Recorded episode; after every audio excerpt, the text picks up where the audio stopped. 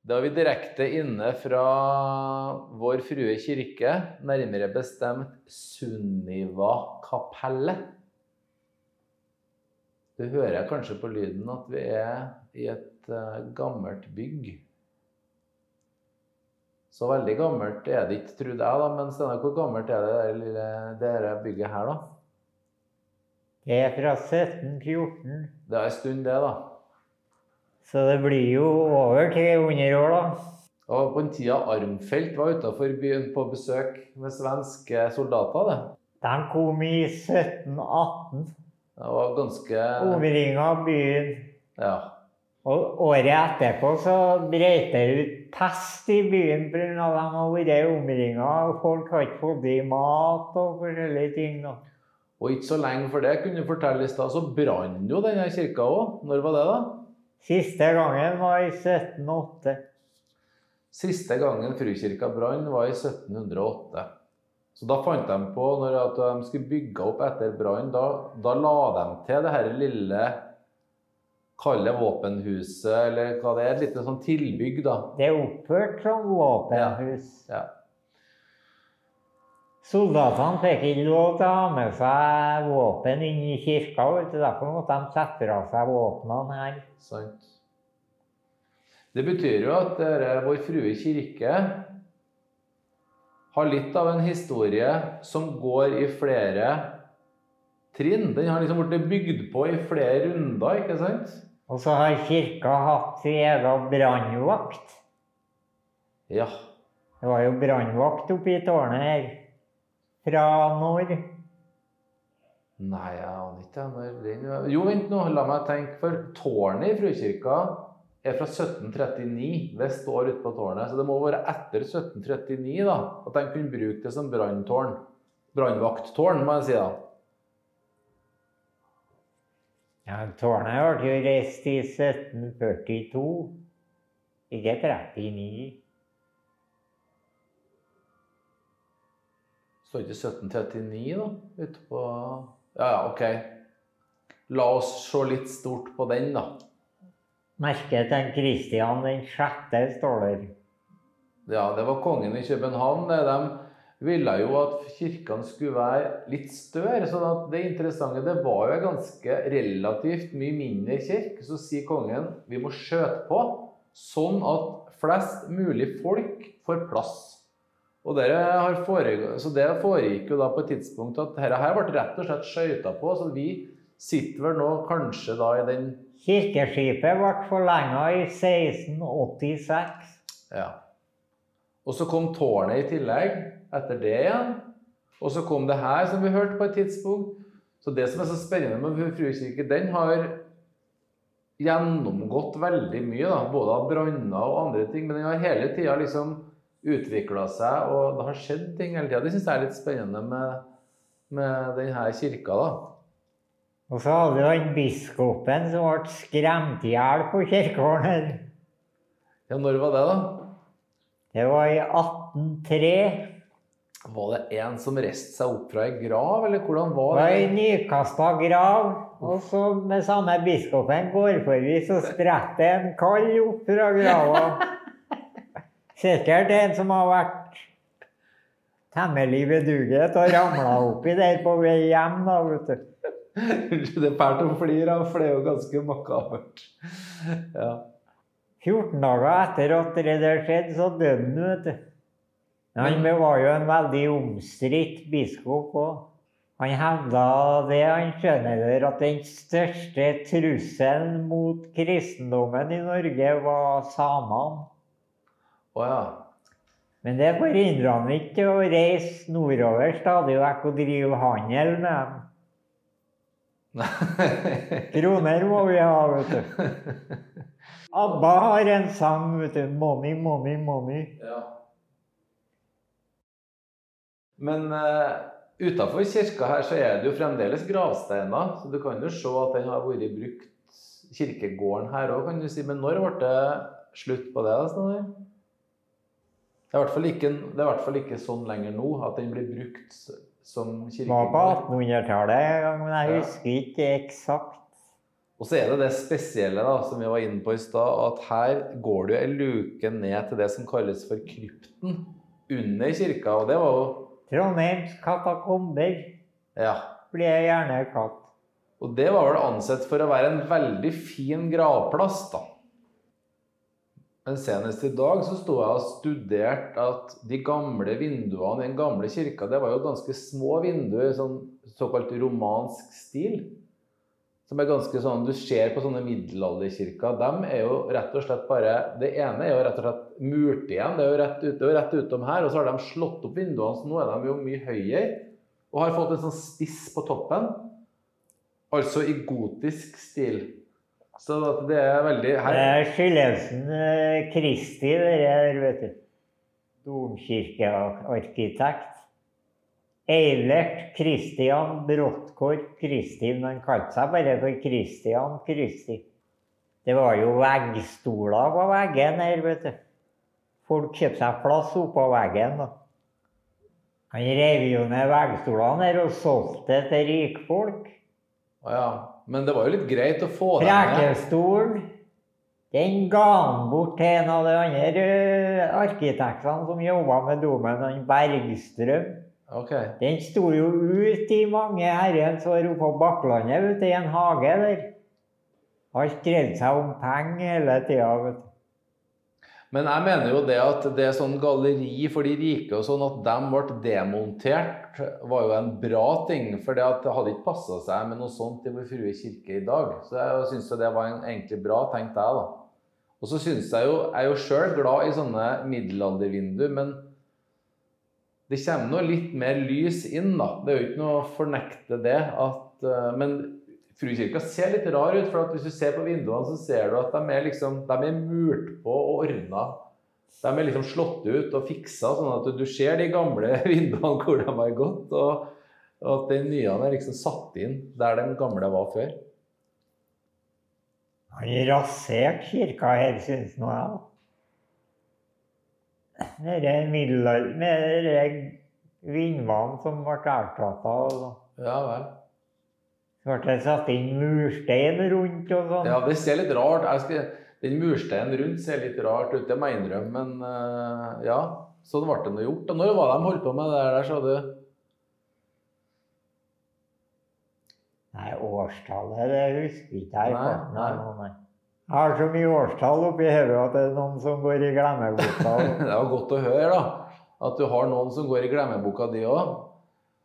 Men jeg syns det er spennende med denne fortellingen om denne kirka som ble kalt for den yngre Mariakirka, som ble bygd oppå der den gamle trekirka var. Og så har den opplevd så mye. Den har utviklet, Det har skjedd så mange ting opp gjennom årene. Vi kan jo ikke gå inn på alt i denne samtalen her, men det er veldig mange forskjellige ting. Og så kom det her lille våpenhuset. Når jeg begynte her, så var det her bare rot. Det var bare et lager. Det sto bare stabla masse ting inni det fine, lille kapellet her. Så det var først i 2007 at det ble sving på det her rommet og har blitt så fint som det vi har nå. Så det her er jo det siste, et av de siste kapitlene i en lang fortelling om ei kirke som har bygd på seg, blitt bygd på og utvikla seg. Og da ble det satt inn en døpefont her. Et nydelig bilde av en lilje. Og så er det en statue av eh, Sunniva. da. Men Sunniva-kapellet er jo veldig fint, for hun var jo en irsk prinsesse. Hun kom jo fra Irland. Så jeg er jo veldig glad i hun, jeg. Så det at eh, hun fikk plassen her, det syns jeg er veldig fint, da. Hun var irsk kongedatter, vet du. Som flykta fra et tvangsekteskap. Riktig. Og som kom til en plass som heter Selje. Da er vi på Nordvestlandet. Utafor Nordfjord. eh.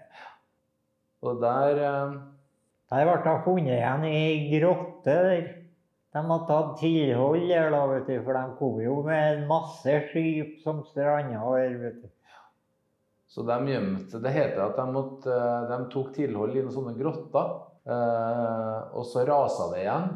Eh, men det så de egentlig som en slags form for beskyttelse, for de folkene som var der, de var ikke så glad i at de hadde bosatt seg ute i grottene. Men det var veldig vanlig for irske munker å gjøre det. De satte seg i båten, så dro de over havet. og Så de kom til en plass, så slo de seg til i en grotte. Så På vestkysten av Irland er det flere sånne små fjell der du ser Her har det bodd munker oppi fjellene og bare levd av og spist egg fra sjøfugler og meditert og vært et, et, et sånt asketisk liv. Da. Så det var jo noe som de drev med i Irland. Sånn at eh, det at hun kom hit, forteller en ganske sånn viktig historie om at Norge hadde veldig mye kontakt til Irland og øyene i vest. da. Vikingene, de bandittene, de tok jo en masse irske kvinnfolk og unger og solgte dem som slaver i Bysant, det vi kaller Tyrkia i dag, eller Istanbul. Bysant ble jo grunnlagt Da heter jo byen Konstantinopel.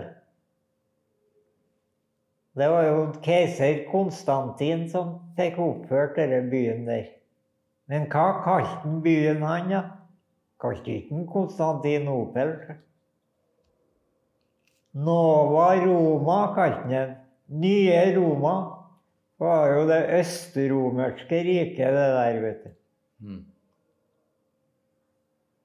Og det er jo snedig at vikingforfedrene for helt nedi der. vet du. Det er jo sånn at Han, eh, Harald Hardråde han var sjef for legionhæren til keiseren av Bysantan. Helt sprøtt. Og han Sigurd Jordsalfar han har jo fått eh, navnet sitt oppkalt etter Jerusalem. Så han for jo nedi der. Han ordnet het ikke. Sigurd Jordsalfar. Sigurd Jordsalfarer. Ja, selvfølgelig. Han for dit. Og jordsalfare, det betyr rett og slett Sigurd som dro til Jordsal. Og Jordsal, eller Jordsalborg, det er det gammelnorske navnet på Jerusalem. Sjølve det store pilegrimsmålet for alle kristne å dra dit. Det var en sånn ting som man gjorde. Men nå snakker vi oss litt bort ifra Vår Frue kirke, men det betyr jo at denne kirka er en del av den store fortellingen, da. Vi syns jo at det er veldig stas å si at den er 800 år. Jeg liksom føler at er liksom nesten skryt. Helt til jeg traff Mahmoud, som kommer hit til kirka og spiller sjakk med meg, for han er fra Damaskus i Syria.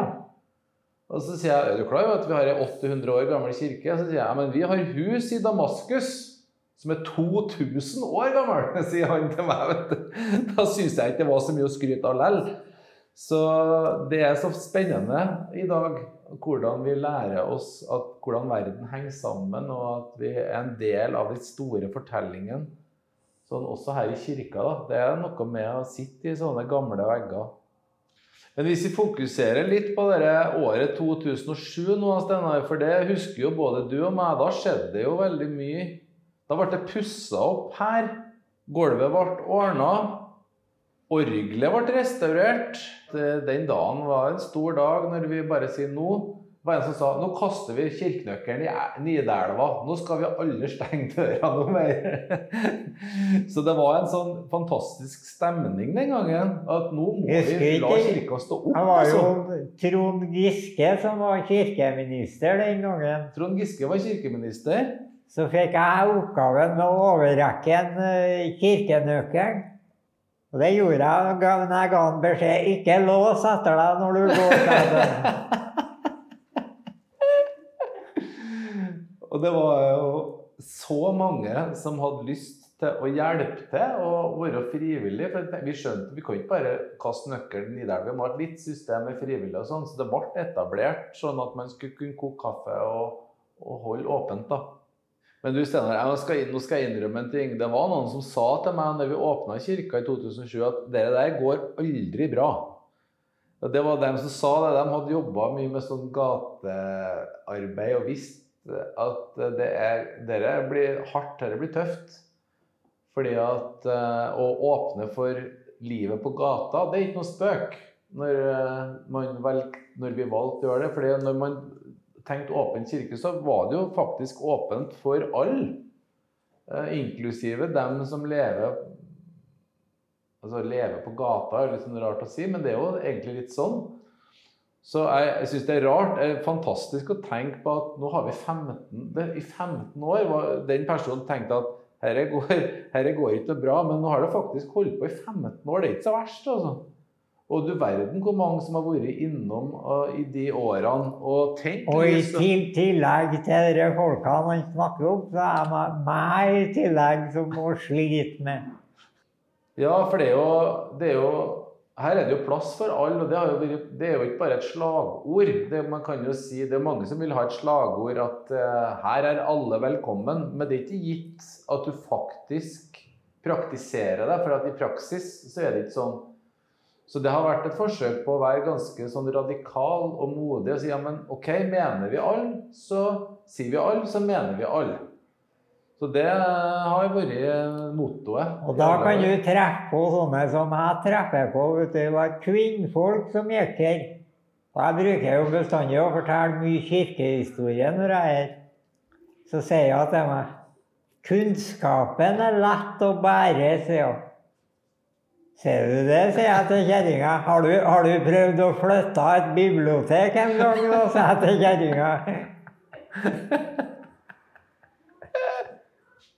Men noe av det første som ble etablert her, det var vel egentlig i 2007 det, og at vi tenkte at her kan vi faktisk feire jul òg.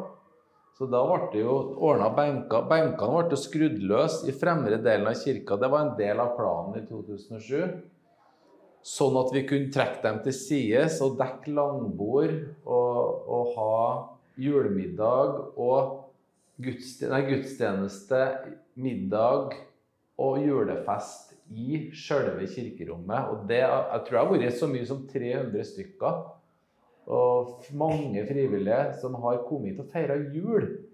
Det har vært en veldig viktig del av Åpen kirkes historie òg. Og, og så har vi noe som jeg syns er helt tullete i denne kirka her.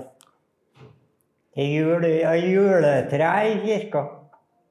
Nei, og det er ganske flott å tenke på alle dem som har rett og slett tenkt at jeg ønsker å feire jul her i kirka, og som har sagt til meg at nå har jeg faktisk gjenoppdaga Jeg syns det ble altfor mye snakk om hvor dyre gaver det skulle kjøpes inn. Og, så det har vist for meg at det er ganske mange som ønsker seg å tenke litt nytt om det å feire jul. og sånn, At denne kirka har kunnet gjort julefeiringa litt meningsfull på en ny måte. da.